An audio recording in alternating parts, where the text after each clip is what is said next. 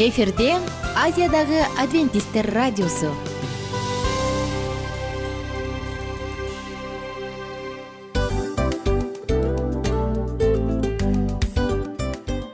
Достор салют.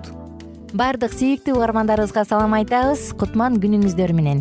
Ден соолук өмүрдүн булагы демекчи саламат саамы программасында баарыңыздарды көргөнүбүзгө абдан кубанычтабыз. Анда алгач амандашып өтөлү арбаңыздар деп. Ден соолугуңуздар кандай элибизде көбүнчө ден соолук кандай дегенде эле жакшы деп жооп беребиз э? ооруп турсак дагы жакшы дейбиз. Анан мен муну айтып ойлойт элем бул абдан сонун сөз депчи анткени бул жакшы деген үмүт да э ооба. баары жакшы болот. Баары сонун. Деп үмүттөнүп атып эле өзүбүздү өзүбүз дарылап коебуз.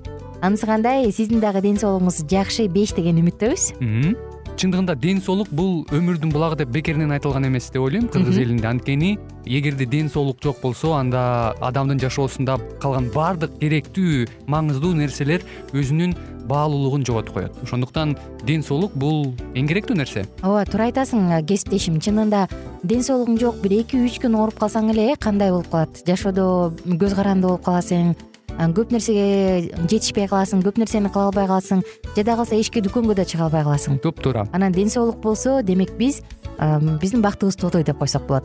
Анда достор саламат саамы рубрикабызды баштайлы. Алдыда өзүңүзгө керектүү болгон сонун кеңештерди уга аласыздар. Мына ошондуктан биз менен бирге болуңуздар. Ал эми биз болсо милан жана айнура. Кеттик алга. Алга саламат саама ден соолуктун жарчысы. Саламат саама ден соолуктун ачкычы. Күн сайын сиз үчүн мыкты кеңештер сонун жаңылыктар кызыктуу фактылар. Биздин рубрикада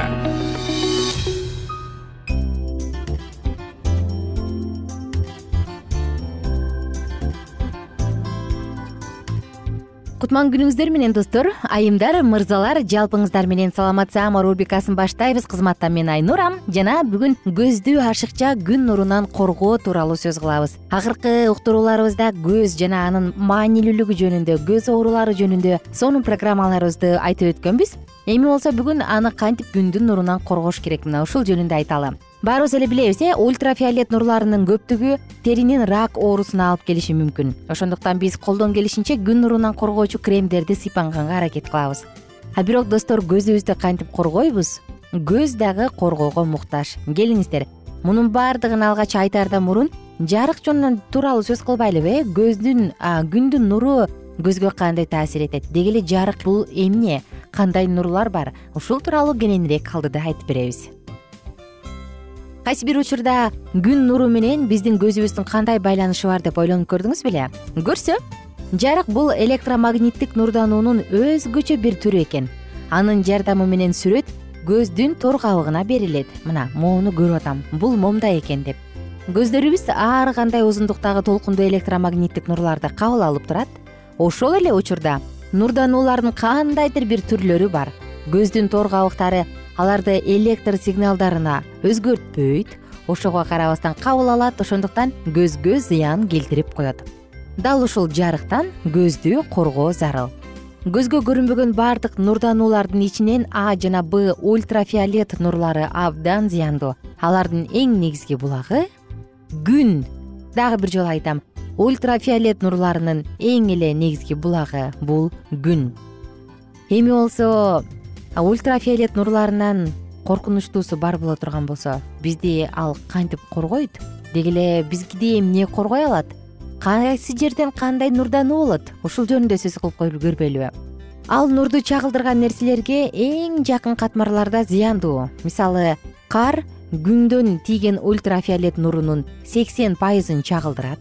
Кум он жети пайызын суу беш пайызын чагылдырат ал эми чөп болсо ультрафиолет нурлардын бир пайыздан төмөнүн чагылдырса жер эч нерсеге чагылдырбаганга барабар. Күн нуру кайсы учурда интенсивдүү тиет кайсы учурда биз көлгө барабыз кайсы учурда күнгө күйөбүз? Албетте жайкысын анткени алар жерге вертикалдуу тиет күндүн нурлары. Демек албетте атмосферанын эң эле жука катмарынан өтөт. Андан сырткары биздин планетабыз боюнча бүт жерде стратосферанын озон катмары жыл сайын жукарып бара жатканда дагы кеп бар. Өзгөчө бул түштүк полюска тиештелүү анткени ал жакта күн интенсивдүү тиет мындай жерлерден качканга аракет кылыңыз. Көзүңүздү ультрафиолет нурларынан бир аз болсо дагы коргой аласыз. Көздүн көрүүсүнө дагы эмне чоң зыян келтирет? Көз ооруларын жана сокурдукту алып келген үч фактордун кошулмасы бар. Алар биринчиси интенсивдүү ультрафиолет нурларынын таасири. Көздү алардан коргоочу каражаттардын жоктугу жана табигый антиоксиданттарга жаарды рацион. Караңызчы үч нерсе. Күндүн нуру ультрафиолет нурлары алардан коргоо албаган каражаттар жана антиоксиданттарга жаарды рацион. Достор керек болсо кадимки эле күн булут дагы бизди күндүн жогоруда айтылган ультрафиолет нурларынан коргой албайт. Бак көлөкөнү айтпай эле коелу. Керек болсо булут дагы шамал дагы. Ошондуктан колуңуздан келишинче мындай учурда кайсы учурда экенин алдыда айтам. Күнгө чыкпаганга аракет кылыңыз. Кайсы учурда? Бир суткадагы ультрафиолеттик нурдануунун дозасынын жетимиш беш пайызы эртең мененки саат ондон үчкө чейинки учурга туш келет. Ондон үчкө чейин тагыраак айтканда ультрафиолет нурларынын дозасынын жетимиш беш пайызы жерге тиет. Деңиз деңгээлинен канчалык жогору болсок атмосферанын коргоочу катмары ошончолук жука. Демек ультрафиолет нурлары дагы ошончо интенсивдүү. Деңиз деңгээлинен ар бир километр жогору көтөрүлгөн сайын ультрафиолет нурлары он эки пайызга көбөйөт. Бала чакта доктурлар айтып коюшкан э эртең мененки саат тогуздан он бирге чейин анан төрттөн алтыга чейин эшикке чыксын ошол учурда баш кийимин чечип коюп күнгө күйсүн деп. Эмне себептен? Анткени көрсө достор эң эле зыяндуу күн нурлары ондон саат үчкө чейин тиет экен. Ошондуктан колуңуздан келишинче колдон келишинче аракет кылыңыз. Үчкө чейин ондон баштап чыкпаганга. Же болбосо күндөн коргонуучу баш кийим жана көз айнек тагынып чыгыңыз. Кээде кантип эле ультрафиолет нурларынан тоскоолдук жаратуучу эч нерсе жок деп ойлойбуз? Ооба достор рас бар стратосферанын озон катмары с с ультрафиолет нурларынын көп бөлүгүн жана б ультрафиолет нурларынын бир топ бөлүгүн фильтрлейт. Чындыгында тилекке каршы жыл сайын озон катмары жукарып баратат өзгөчө түштүк жарым шарда анын натыйжасында кооптуу делген у ф в нуру көзүбүзгө оңой эле жетүүдө. Булут эмес аба дагы мындай нурлардын кайсы бир бөлүгүн фильтрлейт? Күн горизонттон канчалык төмөн болсо нурлар өткөн атмосферанын катмары ошончолук калың. Демек ультрафиолет нурлары ошончолук көзүбүзгө аз тиет кызыктуусу кадимки эле терезе айнектер айнек болсо дагы көрүнбөгөн нурларды фильтрлейт. Бул көздү коргоого жардам берет. Бирок ошол эле учурда. Күн нуру айнектен өтүп жатып өзүнүн дарылык касиетин жоготуп коет тагыраак айтканда д витаминин териде синтездөөнү жоготуп коет. Ошондуктан кичинекей ымыркайларды баягы ити болгон учурда же болбосо д витамини жетишпей атканда ачык эле күнгө чыгарыш керек. Достор бүгүн сиздер менен көздү кантип коргойбуз эмне кылабыз дедик сөзсүз түрдө мурунку уктурууларда айтылгандай дагы бир жолу кайталайын. Күндөн коргоочу көз айнектерди тагыныңыз. Сөзсүз түрдө анан эгерде очки же көз айнек кымбатыраак болсо же карартылган болсо ал бизди күндөн коргойт десеңиз жаңылышасыз. Канчалык кымбат болбосун канчалык караңгылатылган болбосун ал бизди күндүн ультрафиолет нурларынан коргой албайт. Бирок эгерде очкиде у в төрт жүз деген белги коюлган болсо анда сатып алсаңыз болот. Бул бир аз болсо дагы коргойт күнгө чыкканыңызда баш кийим кийиңиз шляпаңыздын калпагы мындай чети чоңураак болсун. Анан көз айнек тагынганды унутпаңыз. Достор бат баттан тез тезден офтальмологдон кеңеш алып туруңуз. Бул дагы сиздин саламаттыгыңызды сактаганга жардам берет. Ушу менен убактыбызды бүтүрөбүз жыйынтыктайбыз. Баардык угармандарыбызга көңүлдүү күн кийинки уктуруулардан баардыгыңыздарды тосуп алабыз. Бар болуңуздар саламат саама ден соолуктун жарчысы. Саламат саама ден соолуктун ачкычы. Күн сайын сиз үчүн мыкты кеңештер сонун жаңылыктар кызыктуу фактылар биздин рубрикада. Салют замандаштар баарыңыздарга ысык салам. Дил маек программабызга кош келиңиздер. Дил маек рубрикасы дегенде эле бул эмне болгон дил маек ким менен маектешебиз деп сурайт болуш керек угармандарыбыз бул рубриканы кыскача тааныштыра кете турган болсок ар тарап кесип ээлеринен болгон сонун интервью кеңештер бар. Ооба. Жылдыздар менен болгон маек бар. Аталарыбыздын агаларыбыздын чоң аталарыбыздан сонун кеңештер бар. Ошондой эле эже сиңдилердин кеңештери бар айтор. Баардык кызыктардын баары алдыда. Негизи эле адам баласы бир кимдир бирөөнө ишенип сырын ачкысы келет эмеспи э мындай баарлашууга жакын келебиз го. Албетте. Негизи бир жерге отуруп алып кенен шашпай баягы жүрөктөн жүрөккө ачып сырларыбызды ар кандай көйгөйлөрүбүз менен бөлүшүп баягы чын жүрөктөн маек курганды кимибиз сүйбөйбүз э? Ооба десең ал нерсеге суусап да келебиз да. Ооба кээ бирде адамга чындыгында баягы э, ысык маек баягы жылуу маек жетишпейт да. Ошондуктан биз ушул рубриканы ойлоп тапканыбызда эң биринчи эле достор сиздер менен чын жүрөктөн бир маңыздуу темаларды козгоп кеткени э, кааладык. Ошондуктан ушундай сонун бир рубриканы тартуулап жатабыз. Анын үстүнө радио дагы сонун дос да анткени э, мындай учурда досуңа айтсаң досуң досуна айтат досу досуна айтат да анан бүт өлкө билип калышы мүмкүн го. А радио болсо сени сатпаган сенин айыбыңды ачпаган сенин сырыңды эч кимге айтпаган сонун дос. Мына ошондуктан биздин алдыдагы айта турган кеңештерибизди биздин досторубуздун кеңештерин угуп анан ал жака пикириңизди дагы калтырып кайрадан биз менен байланышсаңыздар болот деги эле жашооңузга эгерде кичине болсо дагы өзгөрүү алып моралдык жактан нравовалык жактан сонун бир кеңештерди алсаңыз демек биз максатыбызга жеттик. Ооба.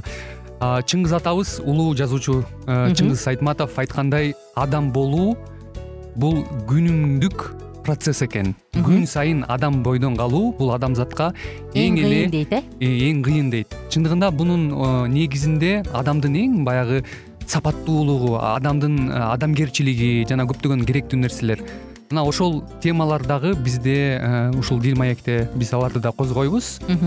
Ден соолук жөнүндө да сүйлөшөбүз. Сөзсүз түрдө анан милан мырза негизи айтып коюшат го. Биз көбүнчө эмнени ойлонсок ошол нерсеге карата иш кылабыз го. Ооба. Анан анысы кандай? Балким бул радио баракчада кимдир бирөөнүн оюн текшергенге жардам берет кимдир бирөөнүн жүрөгүн текшергенге жардам берет. Балким кимдир бирөөгө жашоонун маңызын тапканга жардам берер. Айтор кызыктын баары алдыда бул жөн гана кыскача жарнама анда угармандарыбыздын баардыгын кийинки рубрикабызга чакырабыз. Ал эми кызматта маңдайымда отурган кесиптешим милан жана мен айнура. Анда эмесе биз даярдаган терең терең ойлор менен таанышууга кеттик. Алыс алыс баралык. Анда эмесе достор биз менен бирге болуңуздар. Алдыда эң кызыктуу маалыматтардын баардыгы бир нече мүнөттөр бою жалгыз гана сизге арналат мына ошондуктан жакшы маанай менен угууну каалайбыз. Үн алышканча жөнөдүк. Ар түрдүү ардактуу кесип ээлеринен алтын сөздөр жүрөк ачышкан сыр чачышкан сонун маек. Дил маек рубрикасында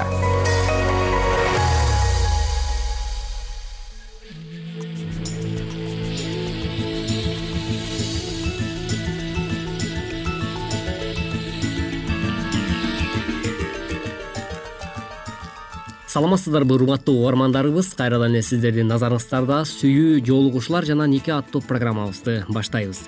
Бүгүнкү программабыздын чыгарылышында биз э, туура жолугушууларды кандай жүргүзүш керек ушул жаатта сүйлөшкөнбүз. Бүгүн деле дал ушул жаатта сапарыбызды улай бирок Э, негизи эле жолугууда эки тарап э, башкача айтканда кыз менен жигит кантип макулдуктарын берүү керек? Же болбосо кантип макулдугун бере алат ушул туурасында дагы кеп кылмакчыбыз жолугушууга чакырылган кыз кантип макулдугун билдире алат. Кыз сылык жана жумшак жооп бергенге аракет кылышы керек. Эгер ал жигиттин сунушун кабыл алса макулдугун билдирет. Макул болбосо кечирип кой. Бара албайм бирок чакырганың үчүн рахмат деп жооп берсе болот. Эгер кааласа кыз эмне себептен бара албай тургандыгын түшүндүрүп койсо жакшы. Бирок албетте ал калп айтпашы керек кыздар аларды чакырган жигиттердин баары эле жолугушууга барууга милдеттүү эмес. Эгер кимдир бирөө менен жолугушууга баргың келбесе бул тууралуу ачык эле айтсаң болот. Сен ага мындай деп жооп бере аласың. Чакырганың үчүн рахмат. Бирок мен сени менен жолугушууга бара албайм.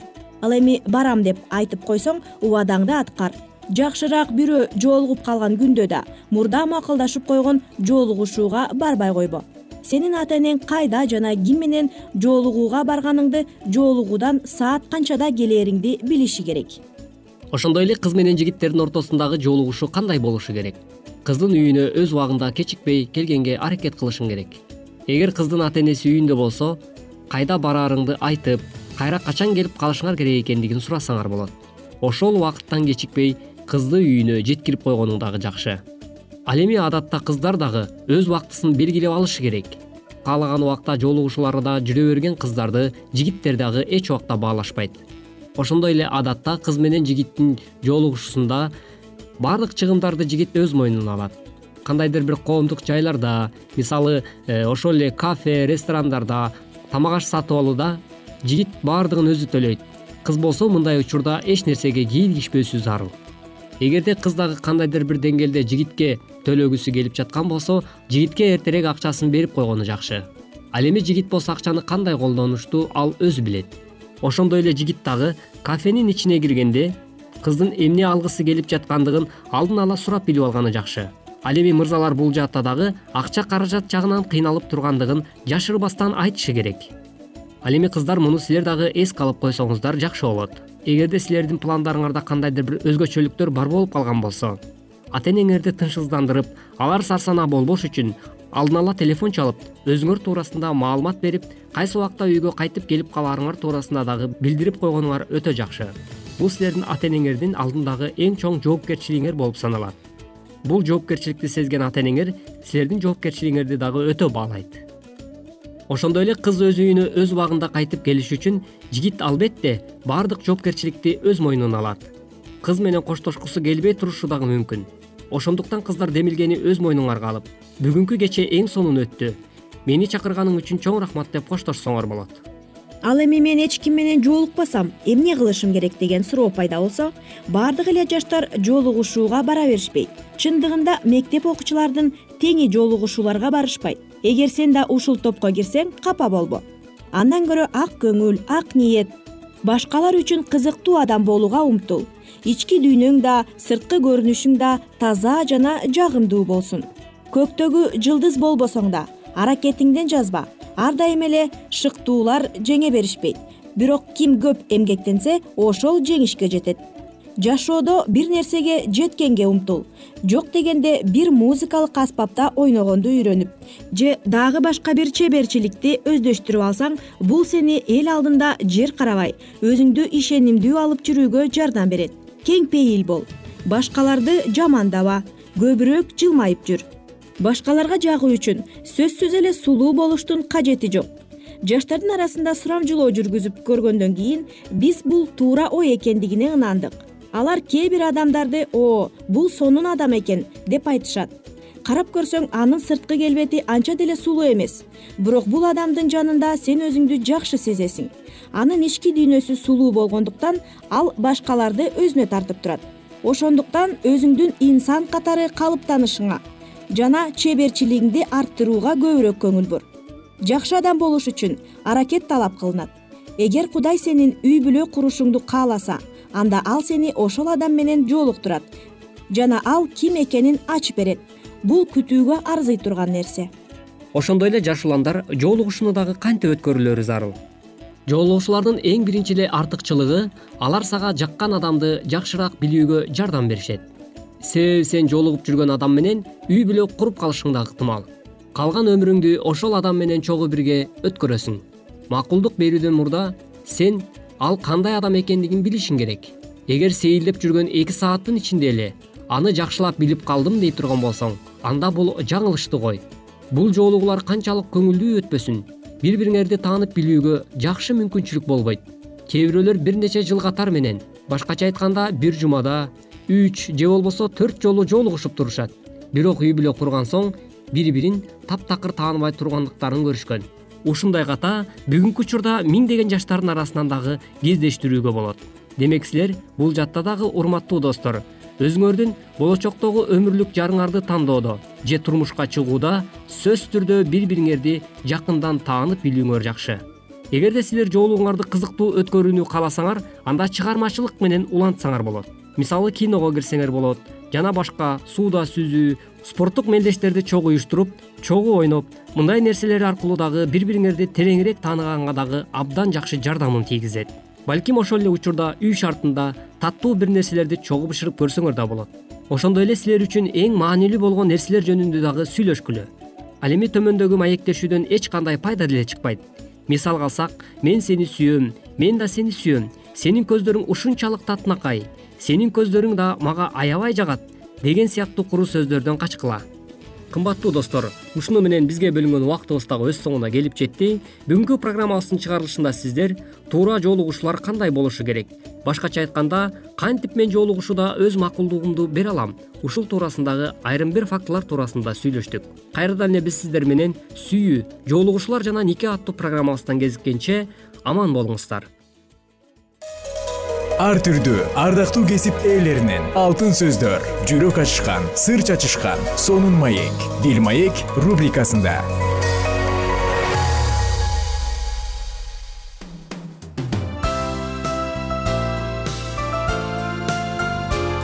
Эфирде азиядагы адвентисттер радиосу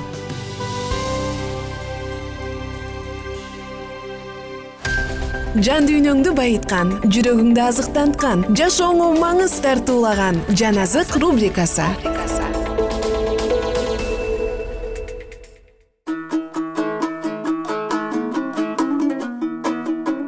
Саламатсыздарбы кадырлуу замандаштар баардык угармандарыбызга ысык салам айтабыз. Жана баардыгыңыздарды жан азык радио баракчасына чакырып улуу күрөш китебин бирге улантууга чакырабыз. Эмесе биз менен бирге болуңуздар аян китебинин он үчүнчү бабындагы пайгамбарлык козунун мүйүзүндөй айбандын.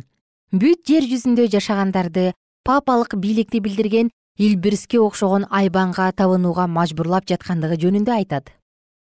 Бул жердеги козунун мүйүзүндөй мүйүзү бар айбан. Жердеги жашагандар айбандын түрүн кабыл алуусун айтып андан кийин кичинелерге жана улууларга байларга жана жакырларга эркин адамдарга жана кулдарга айбандын белгисин кабыл алууга үндөп жатат. Америка кошмо штаттары символдуу түрдө көргөзүлгөн козунун мүйүзүндөй мүйүзү бар айбан экендигин далилдеп кеткенбиз. Жана бул пайгамбарлык качан америка кошмо штаттары рим өзүнүн өзгөчө белгиси деп эсептеген жекшемби күнүн сактоо жөнүндө буйрук кабыл алганда иш жүзүнө ашырылат. Папага бир гана америка кошмо штаттарынын урмат сый көргөзүп тим болбойт. Римдин таасири анын бийлигинин алдында болуп келген мамлекеттердин баардыгына тие берет. Жана анын бийлигинин калыбына келтириле тургандыгы жөнүндө пайгамбарлык алдын ала айтып кеткен. Жана мен көрдүм анын бир башы өлөсө жаралууда көрүнгөн бирок бул өлөсөлүү жара айыккан экен. Жана бүт дүйнө таң калып айбандын артынан карап турду. Бир миң жети жүз токсон сегизинчи жылы папалык бийликке өлөсөлүү жаракат берилген жана бул анын кулашына себепкер болгон. Бирок андан нары пайгамбар эмне дейт? Өлөсөлүү жаракат айыкты жана бүт дүйнө таң калуу менен айбандын артынан карап турду. Элчи павел күнөө адамы машаяктын экинчи келишине чейин аракеттенет деп жазат экинчи тессалоникалыктар экинчи бап үчүнчү сегизинчи аяттарда. Жер тарыхынын акыркы мезгилине чейин ал адамдарды азгырат жана жакан пайгамбар дагы папага тийиштүү мындай деп айтат. Жана ага козунун өмүр китебинде жазылбаган бардык жерде жашагандар табынып жатышты рим чүркөөсүнүн авторитети менен белгиленген жекшемби күнүн байыркыча жана жаңыча кабыл алуу папалык кыймылга карата болгон урматтоону билдирет. Он тогузунчу кылымдын ортосунда америка кошмо штаттары жөнүндөгү пайгамбарлыктарды изилдеген адамдар бул кабарды дүйнөгө жарыялашат. Азыркы мезгилдеги болуп жаткан окуялар бул айтылган нерселердин аткарылышы алыс эмес экендигин көргөзөт. Протестант окутуучулары жекшемби күнүн ыйык сактоо кудайдын авторитети менен бекемделген деп белгилешүүдө. Бирок папанын жактоочулары сыяктуу эле эч кандай ыйык жазуунун негизинде далил келтире алышпайт. Анын ордуна кудайдын осуятын алмаштыруу максатында ар кандай кереметтер жөнүндө сөз кылышат. Жана кайрадан биз жекшемби күнүн сактабагандарга кудайдын жазалары болот деген сөздөрдү угабыз. Жана мындай айыптоолор жарыялана баштаган. Жекшемби күнүн майрамдоонун зарылдыгын жарыялаган кыймыл тездик менен күч алып жатат. Рим чиркөөсүнүн көрөгөчтүгү жана айлакердиги таң калтырат боло турган окуяларды алдын ала көрүү менен ал өз саатын күтүп жатат жана протестант жыйындары анын жалган ишембисин кантип кабыл алаарына көз чаптырат. Католиктер башкы кылымдарда кандай ыкмаларды колдонушса алардын дагы ошондой ыкма колдонууларын каалашат. Чындыктын жарыгынан баш тарткандар ушул өзүнүн күнөөсүздүгүн жарыялаган өзүн өзү көтөргөн бийликке анын ойлоп тапкандарын жогору көтөрүү үчүн кайрылышат. Жардам сурап римдик чиркөө протестант мамлекеттерине шашылыш кайрылып жаткандыгын билүү кыйын эмес. Ким жыйынга кире албай турган болсо алар менен кандай мамиле кылуу керектигин папалык кыймылга караганда ким жакшы билмек эле?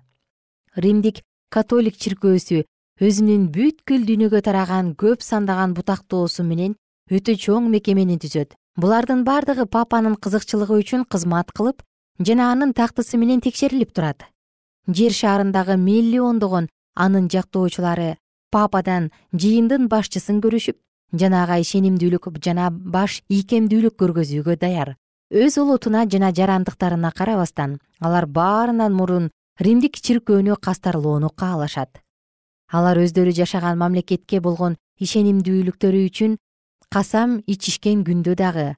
Алардын римге берген убадалары баарынан жогору жана ал аны өз кызыкчылыгына келишпеген ар кандай жоопкерчиликтен бошото алат. Римдин чиркөөсү калктардын ички иштерине өтө айлакердик менен кийлигишип тургандыгын жана анын ичинде өз позициясын бекемдеп өзүнүн максатын аткарыш үчүн төрөлөрдүн жана жөнөкөй адамдардын өмүрлөрүн кылга байлагандыгын тарых өзү күбөлөндүрүп келет бир миң эки жүз төртүнчү жылы папа иннокентий үчүнчү арагондордун падышасы петр экинчиден төмөндөгүдөй ант алган.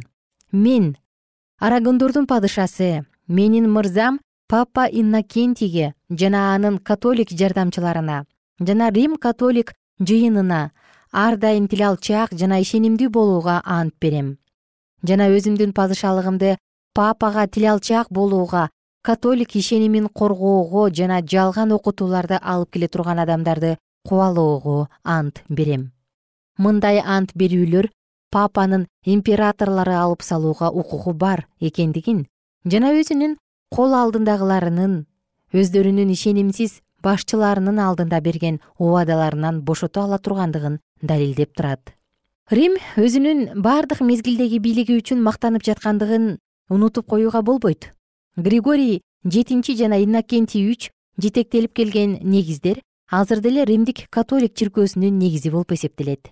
Жана эгерде ал баштагысындай бийликке ээ боло турган болсо анда баштагысындай эле аларды иш жүзүнө ашыра алмак. Протестанттар жекшемби күнүн жогорулатуу максатында католиктердин жардамын кабыл алууну пландаштыруу менен өздөрү эмне кылып жатышкандыктарына жооп бере алышпайт. Ушул максатын протестанттар иш жүзүнө ашыруу менен алек боло баштаганда рим баштагы өздөрүнүн бийлигин жана жоготкон падышалыгын калыбына келтирүүгө аракет кылышат.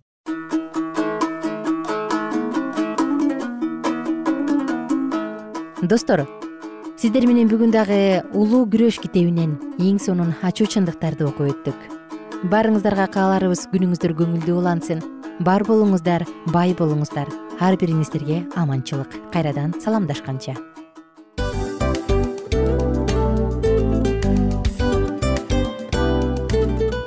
ушул менен достор программабыздын уктуруубуздун эң кайгылуу мөөнөтүнө келип жеттик. Кайгылуу дегенде ыйлагым келип кетти кесиптеш. Кадимкидей. Анткени баягы учурашасың анан коштошуу учур келгенде ии кантип ии эми бат баттан келиптир э сагындырбай деп атып араң коштошобуз го анысы кандай угармандарыбыз менен коштошчу учур келди кийинки уктурууларды сагыныч менен жүрөгүбүздө кусалык менен күтөбүз жалпыңыздарды анан жарым сааттык уктуруу көз ачып жумганча өтүп кетти. Сөзсүз бирок бизде жакшы кабар бар. Кийинки уктурууларыбызда сөзсүз дагы кезигишебиз. Анткени биз көптөгөн сюрприздерди кызыктуу маалыматтарды жана керектүү керектүү нерселердин көпүнчөсүн даярдадык.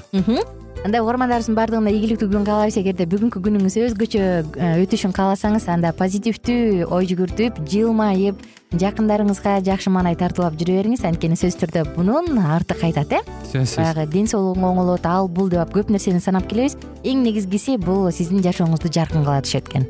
Жараткан кудай ар бирөөңүздөргө батасын берсин жашооңуз ийгиликтүү болсун сак саламатта калыңыздар деп мен милан жана кесиптешим айнура. Баардыгыңыздар менен кийинки уктурууда үн алышканча. Баарыңыздарга ийгилик каалайбыз